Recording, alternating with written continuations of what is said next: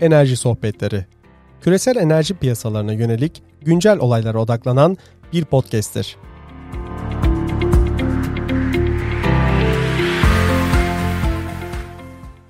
Merhaba, 25 Aralık 2020 tarihinde karşımızda Yaman Akalın var. Yaman Bey merhaba. Merhaba Barış Bey. Yaman Bey'i nereden tanıyoruz? Gökhan Yardım'la yaptığımız podcastlerde aslında Gökhan Bey ile birlikte bu doğalgaz macerasında yer alan ilk mühendislerimizden e, biri. Dolayısıyla bir de hikaye onun tarafından dinleyeceğiz. Yaman Bey buyurun. Merhaba. Ee, tekrar e, doğalgazla e, tanışmamın bir e, arka planı var. E, bundan bahsetmemek olmaz. E, ODTÜ'de master, kimya mühendisliğinde master yaparken e, ki burslu, bir devlet kurumundan burslu olarak yapıyordum.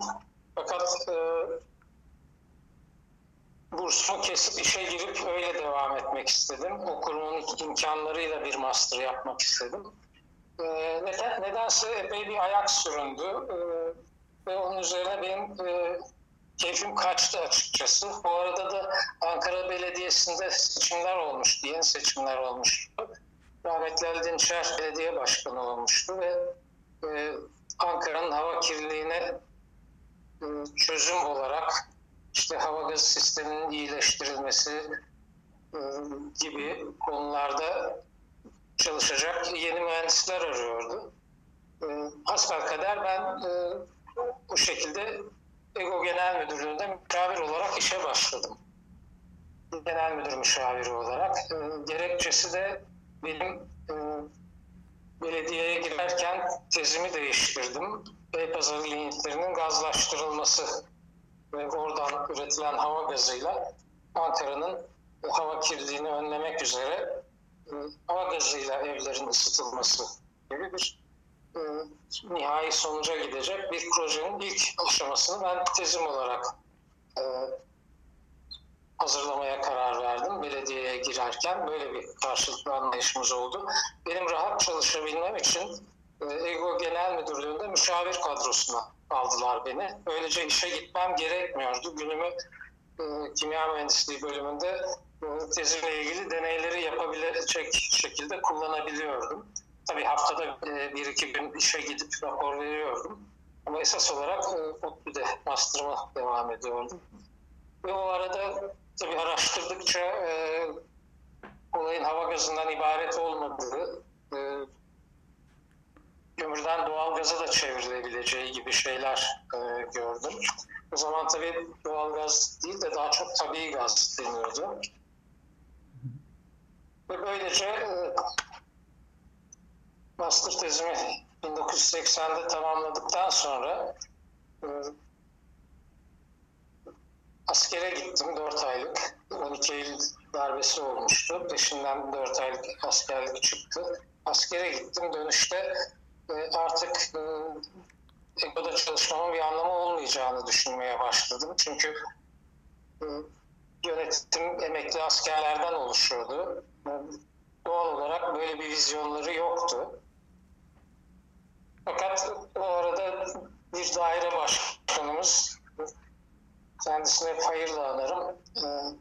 yüksek tekniker çünkü mühendislerin çoğu sarı zarfla atılmıştı EGO'dan yüksek tekniker bir abimiz bana şey dedi yani bu, bu işler geçer elbet bir gün e, her şey düzelecek ve esas olan hizmeti sürdürmektir.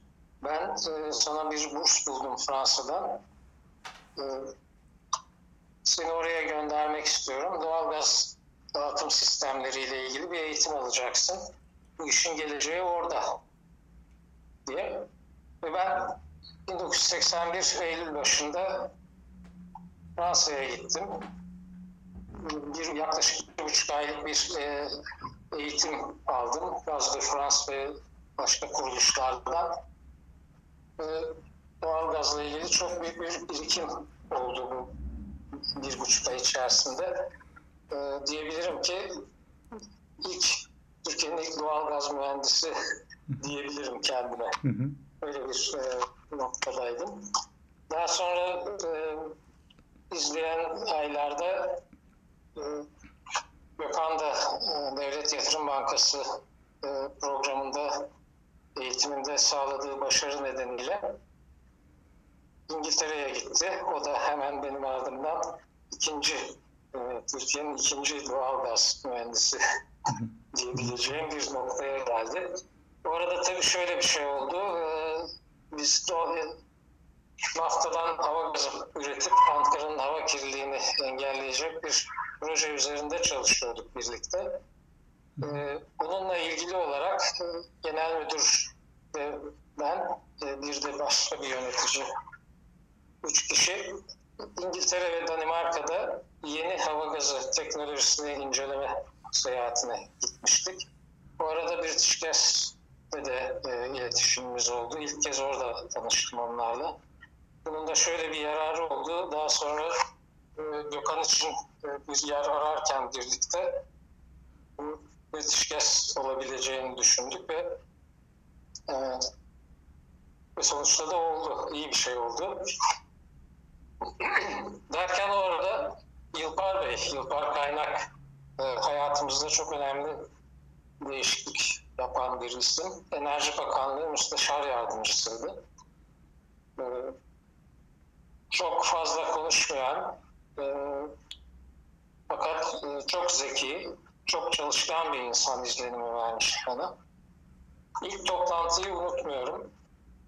10-12 e, kadar enerjiyle ilgili kuruluş vardı. Bir de biz buradan ikimiz Gökhan'la. Tabii bu arada biz e, çevre, yenilenebilir enerji, temiz enerji bunlarla ilgili ne konu, konferans, toplantı ne varsa hepsine koşuşturuyorduk oradan oraya. Müthiş bir açlık içerisindeydik. Ee, Gökhan Bey'le toplantı başladığında en son biz e, tabii büyük kamu kuruluşları yanında belediyenin o kadar esamesi okunmuyor e, doğal olarak. Fakat çok iyi hazırlanmıştık. Yani özellikle Gökhan çok e, titizdir.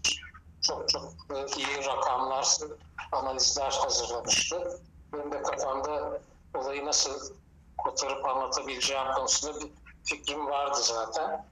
Yıllar Bey toplantı başladıktan sonra konuşmacıların her birini istisnasız birkaç dakika dinledikten sonra susturdu. Benim sizlerden beklediğim bu değil diye. Çünkü herkes sorun anlatıyor. Bütün kuruluşlar istisnasız sorunlarını anlatıyor. Bu kadar sert geçiyordu ki toplantı. Yani Yılpar Bey haşlamadığı kimse kalmadı. Hatta Gökhan bir miktar tedirgin oldu. Acaba konuşmasak mı? Hani biz dinlemeye geldik efendim falan mı desek? Ee, biz de payımızı almıyorum bu olan bitenden diye.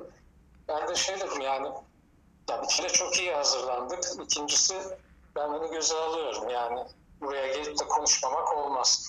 Ama biz onlardan farklıyız diye düşünüyorum deyip söz bana söz bize geldiğinde söze geldiğinde söz aldım ve Ankara'nın hava kirliliği problemini anlattım. Bunun dünyada nasıl çözüldüğünü, Londra örneğini e, Londra gazlı ısıtmayla kurtardı. Yani 1950'lerdeki o facialardan hı hı. E, Londra tamamen hava gazıyla ısıtma ile kurtardı kendisini. Ve hatta o sıralarda e, çok büyük iki tane kömür gazlaştırma tesisi kurdular. Biri Coalseal'de öbürü Westfield'da. Ben İngiltere seyahatimde Coalseal artık yoktu. Doğalgaz geldikten sonra e, sökmüşlerdi o fabrikayı. Ama Westfield'da bu kez kömürden e, sentez gazı yani substitute natural gas dediğimiz e, doğal gaz yerine geçecek e, metan üretimi yapmak üzere araştırma tesisi haline dönüştürülmüştü. British Gas ve Alman Lürgi firmasının ortak projesi olarak. Her neyse bütün bunları biz anlatırken, e, ben anlatırken Bey yavaş yavaş arkasına doğru yaslandı. Hiç unutmuyorum. Elini şöyle çenesine koydu. Bir eliyle öbür elini dirseğini tutarak ve ilgiyle dinledi. Tek bir kere sözümü kesmedi. Ve sözüm bittiğinde döndü. Benim beklediğim bu işte dedi. Bana sorunla gelmeyin, çözümle gelin. Bu çocuklar dedi. Yaparlar yapamazlar bilmiyorum ama çözümle geldilerdi. E, bu bize, bize tabii müthiş bir moral oldu. Daha sonra e, Ego'da bu haftadan doğal e, pardon hava gazı üretecek ama zamanla gerekirse doğal gaza da e, doğal gaz yerine geçebilecek yani metan üretimini yapabilecek bir tesis ihalesine çıkmaya karar verdik. Ee, bu arada ilginç bir konu daha anlatayım. Tabii. Bugün bir gazeteci geliyor bu doğalgaz, pardon hava gazı ve doğalgaz projelerine yani müstakbel doğalgaz diyelim. Hı hı. Bunlarla ilgili bilgi, bilgi almak için EGO'ya geldi. Genel müdür bana yönlendirdi. Ben işte anlattım. Naftadan hava gazı üretecek bir tesis kuracağız. Kapasitesi şu olacak. Bu işte Ankara'nın şu kadarlık nüfusunu. Ee, Ankara'nın özellikle çanak şeklindeki şehirleşme, çanak şeklindeki yapısı yani etrafı tepelerle çevrili e, bu inversion dediğimiz bir e, olaya sebep veriyor. Inversion şu, e, ısınan hava yükselir. Fakat böyle çanaksı bölgelerde belli bir yükseklikte o sıcak hava katmanı kalır. Dolayısıyla aşağıda e, yaktığınız kömürün dumanı yukarı çıkarken soğur, soğumaya başlar ve o sıcak katmana geldiğinde oradan geri tepilir aşağı iner. Ve şehrin üzerine çöker. Ee, Ankara gerçekten çok çok kötü durumdaydı. Özellikle 80'lerin başında, 70'lerin sonunda. Hatta ben e, 60'ların sonunda Ankara'da e, Ankara Fen Lisesi'nde okurken şeyi hatırlarım. O zaman gökdelen yeni yapılmıştı Kızılay'da. E, karşısında çaprazında şu anki e, SSK iş yanılmıyorsam onun olduğu yerde bir arsa vardı. O arsadan otobüs kalkardı Antalya'ya memleketime. Hmm. E, bir akşam saat 6'da otobüse bineceğim onu beklerken karşımda gökdelenin yarısı kayboldu. Bu kadar yoğun bir e, kömür dumanı yaşanıyordu. Hatta Los Angeles'ta da benzer şeyler e, yaşanıyordu. E, orada bir laf vardı, Ankara için de geçerli. We don't breathe the air, we don't see. Görmediğimiz havayı solumayız. Hmm. Ankara tamamen o. Dolayısıyla işte bunları anlattım gazeteciye. Ve e, işte bu bölgelerin özellikle naftadan üretilecek hava gazıyla ısıtılabileceğini konutların bir zaman içerisinde güvercinlikteki mevcut, mevcut fuel üretim yapmak, e, yapmak üzere kurulmuş olan tesisin de naftayla işletilerek kapasite artırmanın sağlanabileceğini e, falan anlattık uzun uzun. En sonunda gazeteci tamam dedi. Peki Maltepe Hava Gazı Fabrikası ne olacak dedi. Dedim valla o artık eski teknoloji. E, yeni tesisler kurulduktan sonra buna ihtiyaç kalmayacak, kapatılacak. Ertesi gün heyecanla gazeteyi açtım. İlk kez bir gazeteye demeç vermişim. Üçüncü sayfa mıydı neydi? Tek sütuna e, 3-4 paragraf bir şey haber. E, başlığı Emektar Maltepe Hava Gazı Fabrikası kapanıyor mu? Ve 3-4 paragraf boyunca bu işleniyor. İşte Ankara'ya şöyle hizmet etti, böyle hizmet etti, şu zamanda kuruldu, bilmem ne oldu. En sonunda bir satır, tek bir satırda fabrikanın kapanma nedeninin yeni tesislerin kurulması olduğu öğrenildi diye. Bu benim için e, basınla konuşurken başıma neler geleceğini anlamak bakımından çok önemli bir ders oldu. E, devam edecek olursak e, ihaleye çıkıldı. İhaleye 4 e, ya da 5 firma, 4'ünü net hatırlıyorum 4 ülkeyi. Hollanda, İspanya, İngiltere'den e, Babcock Woodle takım net hatırlıyorum çünkü e, firmanın adını çünkü o kazandı ihaleyi. E, Almanya'dan da Lurgi onu da net hatırlıyorum. E, Lurgi bu ihalenin iptal edilmesine büyük çaba gösterdi. E, ihalenin e, ihaleye giren üç şirket Lurgi hariç hepsi yedekli reaktör sistemi. Yani reaktörün biri arızalanırsa öbürünün de derhal devreye girip e, kesintisiz gaz üretimine sağlayabileceği bir şekilde kurulmuştu, dizayn edilmişti. Bir tek Lurgi'ninkinde yedek reaktör yoktu. Hı. E, dolayısıyla biz onu baştan eledik. Ve British Gas en düşük fiyatla ihaleyi aldı. E, fakat ondan sonra ego içerisinde bir takım e, kişiler bundan hoşnut kalmadılar.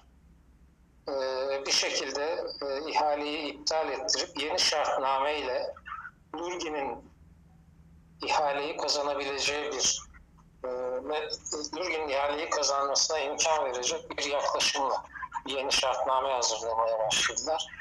Tabii bu bizim epey bir tadımızı kaçırdı ve e, artık bizim için Ego'da yolun sonu görüldü, göründü diye düşünmeye başladık. Çünkü bütün motivasyonumuzu yitirmiştik. E, ben o arada ikinci bir görev daha verildi. Ulaşım Planlama ve Raylı Sistem Dairesi'nde e, Belçikalı danışmanlara tercümanlık yapmak, onların raporlarını tercüme etmek gibi ek bir görevle Ulaşım Planlama ve Raylı Sistem Dairesi'nin raylı sistem kısmında çalışmaya başladım. Ee, Gökhan ise e, artık kendine yeni bir yol çizmek haklı olarak e, arayışına girdi ve e, BOTAŞ'a başvurdu. Yılpar Bey'in de desteğiyle BOTAŞ'ta göreve başladı. E, ben birkaç ay daha kaldım açıkçası. E, raylı sistem dairesindeki iş beni bayağı oyalıyordu, motive de ediyordu. Ve e, raylı sistem dairesinde hayatında metro görmüş ve metroya binmiş tek insan da bendim. E, bu, bu bile bana büyük avantaj sağladı orada çalışırken. E, neredeyse vazgeçilmez eleman durumuna gelmiştim. Fakat sonuçta ben de çok mutlu değildim. Ee, derken başka bir toplantıda yine Yılgar Bey ile karşılaştık. Sen hala BOTAŞ'taymışsın öyle mi dedi. Evet pardon sen hala EGO'daymışsın öyle değil mi dedi. Evet dedim. Derhal yarın BOTAŞ'a başvuracaksın dedi. Ee, Turgut Bey 2 milyar metreküp gaz anlaşması yaptı Sovyetler Birliği ile gaz alım anlaşması. Ee, benim sizin gibi insanlara ihtiyacım var dedi. Kendisi BOTAŞ Yönetim Kurulu üyesiydi aynı zamanda. Böylece ben de e, Şubat 84 yanılmıyorsam e, BOTAŞ'a girmiş oldum. E, bu arada e, rahmetli Turgut Özal seçimleri kazanmıştı. E, ilk icraatlarından e, şöyle bahsedebilirim. Bir tanesi Ankara hava kirliliğine kısa vadede çözüm bulmak için düşük kükürtlü ithal kömür, kaliteli ithal kömür getirmek. E, ikincisi de e, yine Ankara için özel olarak düşük kükürtlü fuel oil üretilmesi. Bu iki kısa vadeli karar e, hemen devreye sokmuştu. Ve onun yanında e, peşinden de bu Sovyetlerden doğal gaz alma anlaşması. Fakat onu yaptığı zaman e, sadece elektrik ve gübre üretimi için düşünmüştü. Gerçi ben e, kendisinin Devlet Planlama Teşkilatı yıllarındaki raporlarından hatırladığım kadarıyla o zamanki tabiriyle tabii gaz, bugün doğal gaz dediğimiz tabii gaz e, rahmetli Turgut Bey'in hayallerinden biriydi. Ve eline imkan geçer geçmez hemen bu hayali gerçekleştirmek üzere adım attı. E, bizim de hayalimizdi tabii naçizane. E, Dolayısıyla BOTAŞ bizim için iyi bir e, şey oldu. Diyecektim ki e, çok e, sarsıcı bir başlangıç oldu benim için. E, şöyle ki açık ofisteyiz. E, yöneticim yani hata e, işe alındığım e, dairenin başındaki kişi e, açık ofiste herkesin duyabileceği şekilde e, ben burada genius istemiyorum. Sana ne iş verirsem onu yapacaksın. Doğalgazı biliyorum diye kendini şey zannetme. Petrolü de öğrenmek zorundasın falan. Bir güzel yani herhalde e, işe girdiği ilk gün fırça yiyen ilk eleman benimdir. Yani kim bilir Yılpar Bey sağ olsun beni nasıl e, anlattıysa girer girmez bir tehdit gibi algılandım. E, ve yaklaşık üç ay hiç iş verilmedi bana. E, yani petrol falan dediler, onu bile vermediler. Ve ben o dönemi e, Gökhan'ın ve Feray'ın işlerine yardımcı olarak geçirmeye çalıştım. Üçüncü ayın sonuna gelirken artık sabrım kalmamıştı. Ee, Genel Müdürümüz Sayın Yavuz Uzman'a e, gittim ve başkası için dream job, rüya iş olacak bir işim var. Hiç çalışmıyorum ve bana para ödüyorsunuz. Ee, ama bu bana göre değil dedim. Dolayısıyla ben e, ayrılmak istiyorum. Ee, şimdiden bilginize sunmak istedim. Beni işe aldığınız için teşekkür ederim falan diye. Çok şaşırdı rahmetli ve bana üç gün süre ver ben bu işi çözeceğim dedi. Ve akabinde bizi e, üç kişiyi yani Gökhan, ben ve Feray'ı rahat ettirebilecek bir düzen kurdu. Rahat rahat çalışabileceğimiz ve e, kafamızdaki şeyleri geliştirebileceğimiz bir düzen kurdu. E, ondan sonra tabii işler daha hızlandı. E, bu arada bir, bir anekdot daha anlatmak isterim. E, şimdi bu 2 milyar metreküp gaz e, gübre sanayine yani İKSAŞ, TÜKSAŞ bir de o zamanki adıyla Türkiye Elektrik Kurumu'na e, elektrik üretimi için tahsis edilecekti. Ben gayet saf bir şekilde bir toplantıda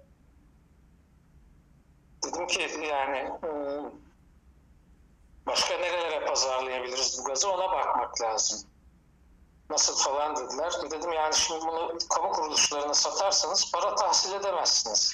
Şimdi BOTAŞ şöyle bir kuruluş o zaman. E, sadece petrol taşıyor. Yani e, Irak'ın petrolünü alıyor, Akdeniz'e taşıyor ve oradan bir taşıma ücreti alıyor. Yani bir ticari e, ortak zekaya ihtiyaç olmayan bir iş yapıyor. Pazarlama, şu bu falan gibi kavramlar tamamen gündemlerinin dışında. Oysa doğalgaz öyle değil. Yani doğalgazda e, tek bir müşteri grubuna satarak para kazanamazsınız. Üstelik o sat, sattığınız kuruluşlar, kamu kuruluşları ise büyük ihtimal size borçlarını da ödemeyeceklerdi. O zaman öyleydi yani şu anki koşulları bilmiyorum tabii. Ama o zaman kamu kuruluşları birbirlerine paralarını ödemezler, borç takarlar, karşı tarafta görev zararı yazar, böylece mutlu mesut giderdi işler. Ee, bunu anlattım yani çok zor duruma düşer bu kuruluş. E peki ne yapacağız? E biz bu gaza pazar bulacağız. Onun için de pazarlama e, imkanlarını araştırmamız lazım. Bir başka yönetici bana şöyle bir baktı. Sen ne biçim mühendissin dedi. Şimdi ne alakan var pazarlama?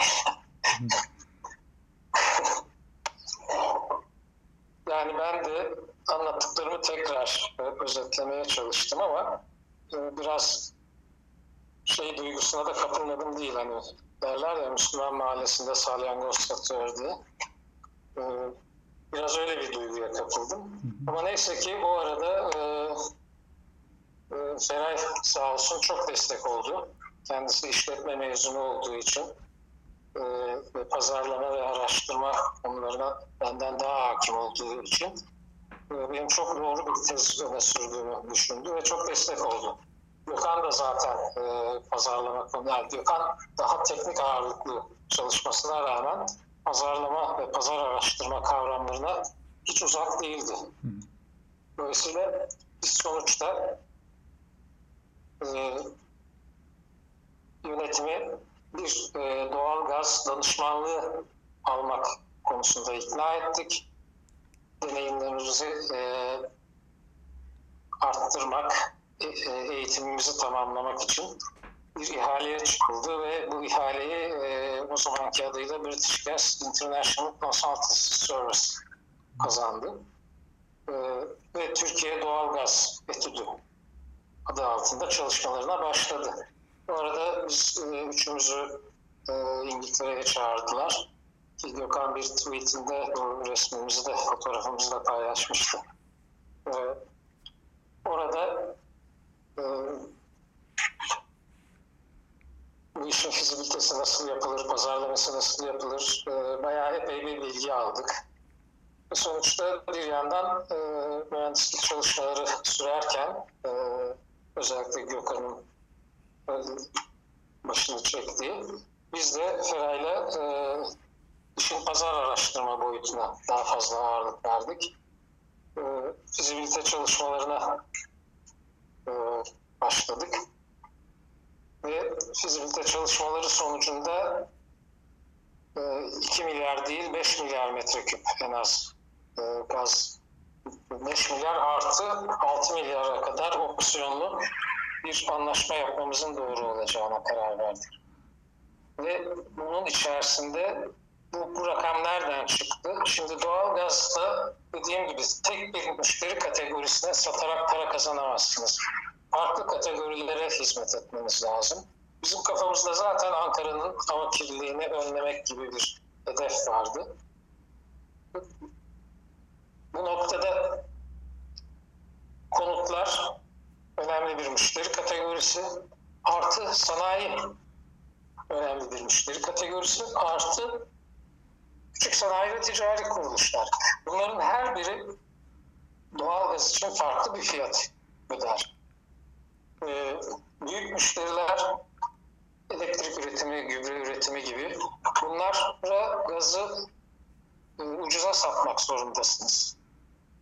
Yoksa bu şirketler için e, feasible olmaz gaz kullanımı. Buna mukabil işin kaymağı konutlardadır. Ne kadar çok konuta gaz satarsanız o kadar karlı bir iş yaparsınız. Çünkü konutların tüketimi az olduğu için e, diğer e, müşterilere göre biraz daha yüksek ödemek onları rahatsız etmez. Yani bu bir bütündür. Bu bütünü oluşturduğumuzda e, başlangıçtan itibaren karlı bir operasyon olabilmesi için 5 milyar metreküple en az başlamamız gerektiği sonucu çıktı. 20 yıllık bir projeksiyon yaptık ee, ve 2005'te 25 milyar metreküp ne kadar çıkacağını öngörmüştük o zaman. Ee,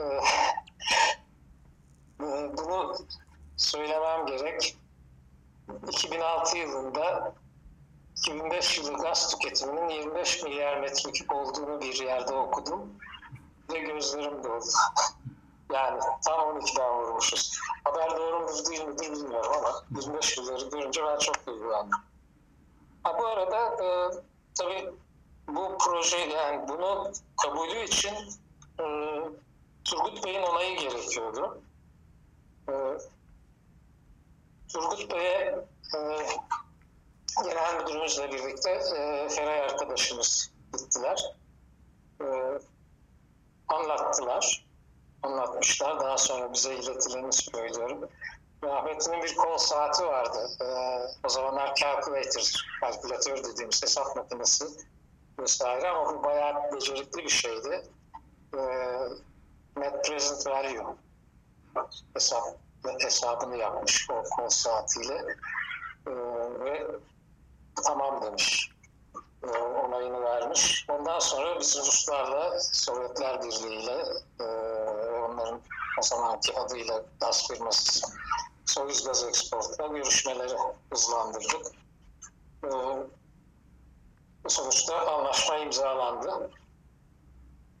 E, bu anlaşmanın imzasında en büyük payı olan e, Gökhan'dı. Bunun için e, imza töreninde dosyayı Gökhan sundu. E, o zamanki Başbakanımız Merhum Turgut Özal'a. E, bunu niye anlatıyorum? Peşinden e, bir yıl içerisinde e, Cezayir'le doğa, e, sıvılaştırılmış doğalgaz anlaşması yapılması görüşmeleri sürüyordu ve yaklaşık bir yıl içerisinde ilk anlaşmadan sonra bu da e, bir noktada çıkmaza girmişti. O çıkmaza girdiği noktada e, ben şimdi tam hatırlamıyorum ama e, bir bir çözüm ürettim. Ve o kabul gördü ve son anda yani adamlar o akşam terk edip gidecekken masayı son anda e, buzlar çözüldü, imzalar atıldı ve e, Cezayir doğalgazı da artık e, bize e, ikinci bir kaynak olarak sağlanacaktı.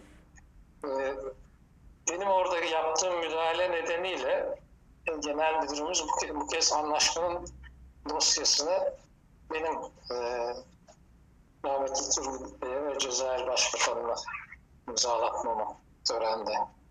Törende naklen yayınlanıyor. E, söyledi. Tabii büyük bir onur benim için.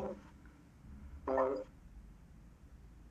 işte hemen bana özel bir altın kalem verildi. Bunu vereceksin diye. E, kalemi hemen kontrol ettim. Yazıyor. E, neyse tören başladı. Ben dosyayı verdim. E, Turgut Bey rahmetliye. Kalemi uzattım. Kalemi aldı imzalamak için. E, kağıda koydu kalemi. Kalem yazmıyor. Kontrol etmişim. Bu kadar eminim ki. Hiç istifini bozmadı. Döndü. Yanında Devlet Bakanı Kazım Oksay, o taştan sorumlu. E, Kazım kalemin var mı dedi. Var dedi. Çıkardı verdi. Güzel bir kalem. E, imzaladı. Sonra döndü. Bu çok güzel bir kalemmiş. Bende kalsın dedi. Rahmetli böyle küçük müzikleri yapardı. Bu benim aklımda kalan bir tanesi.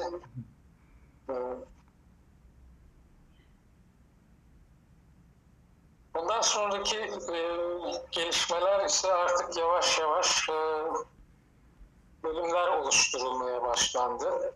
E, bir bizim e, üçlü ekip bir tarafı e, Gökhan daha çok teknik mühendislik kısmına e, bakan bir bölümün e, içinde yer aldı. E, ben ve Feray'da pazarlama e, kısmında yer aldık. Ve e, sonuçta işte 1989'a geldiğimizde e, büyük ölçüde e, her iki ekip de üstüne düşeni fazlasıyla yapmıştı.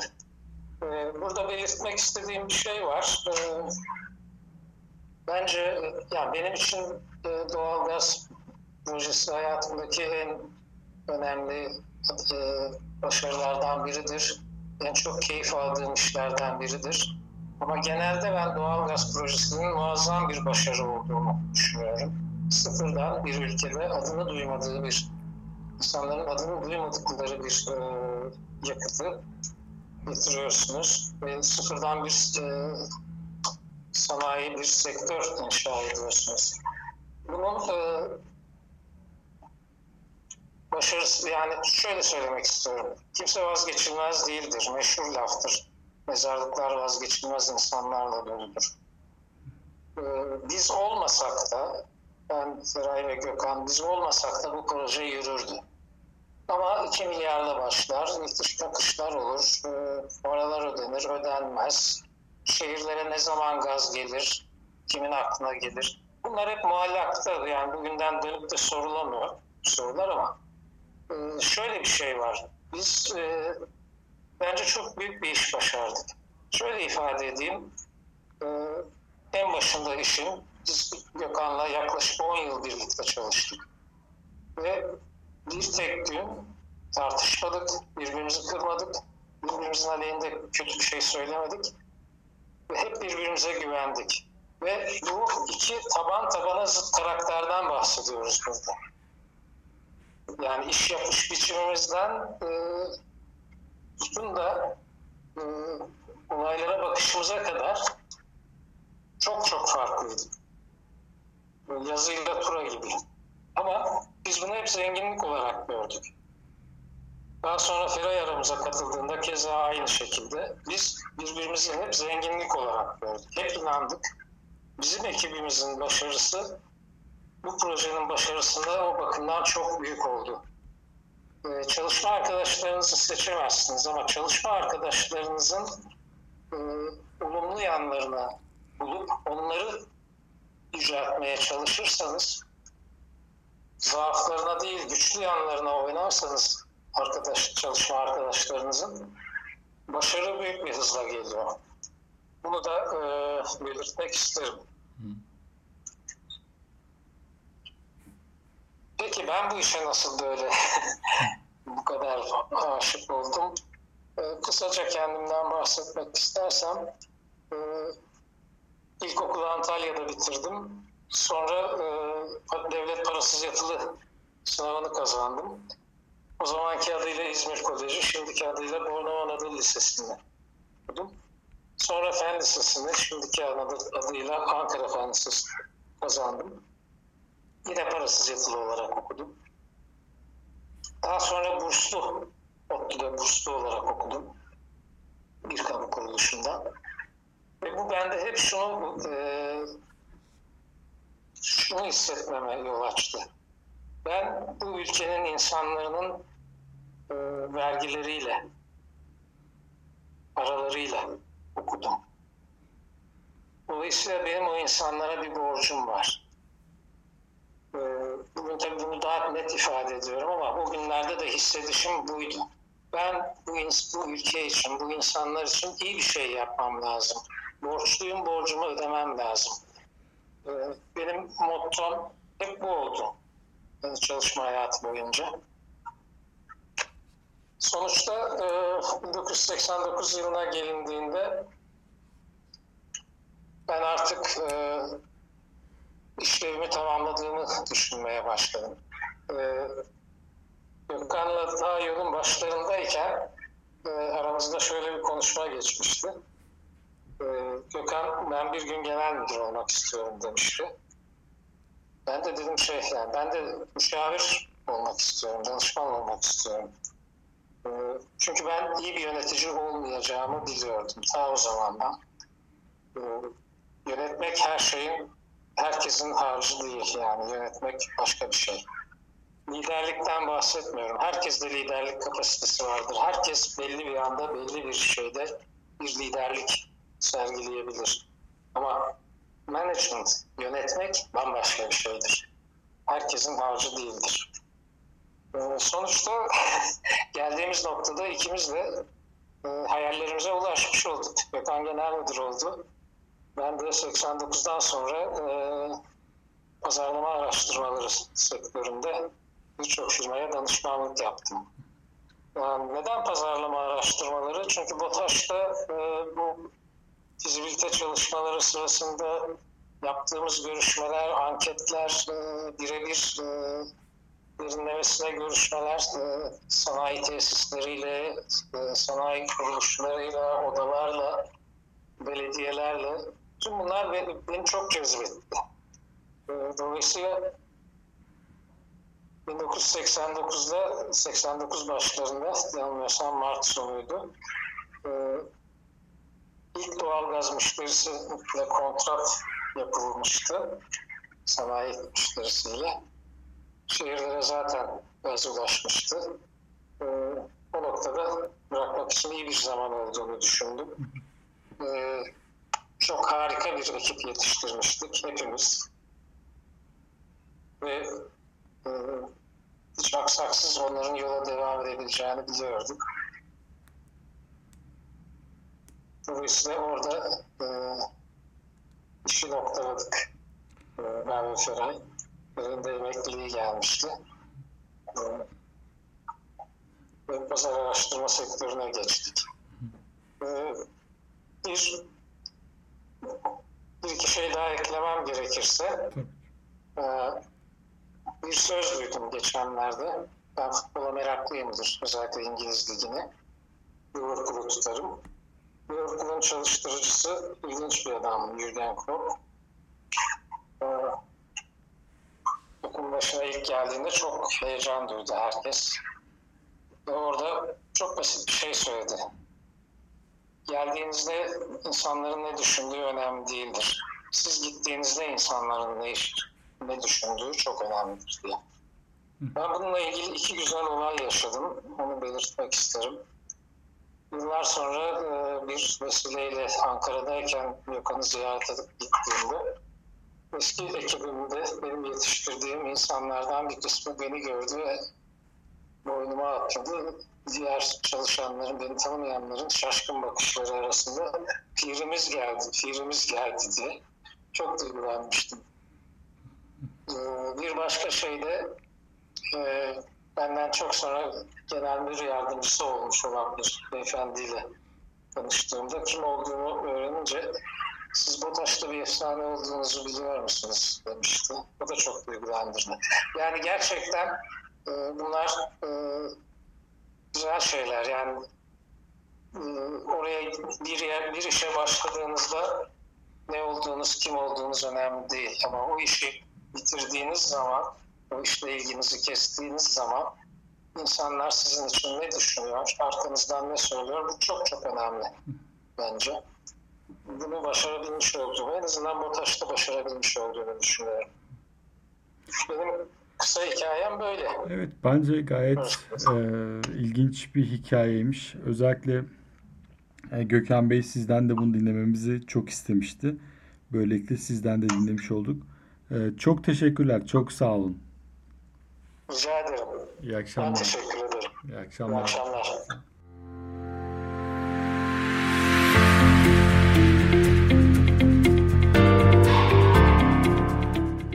Dinlediğiniz için teşekkür ederiz.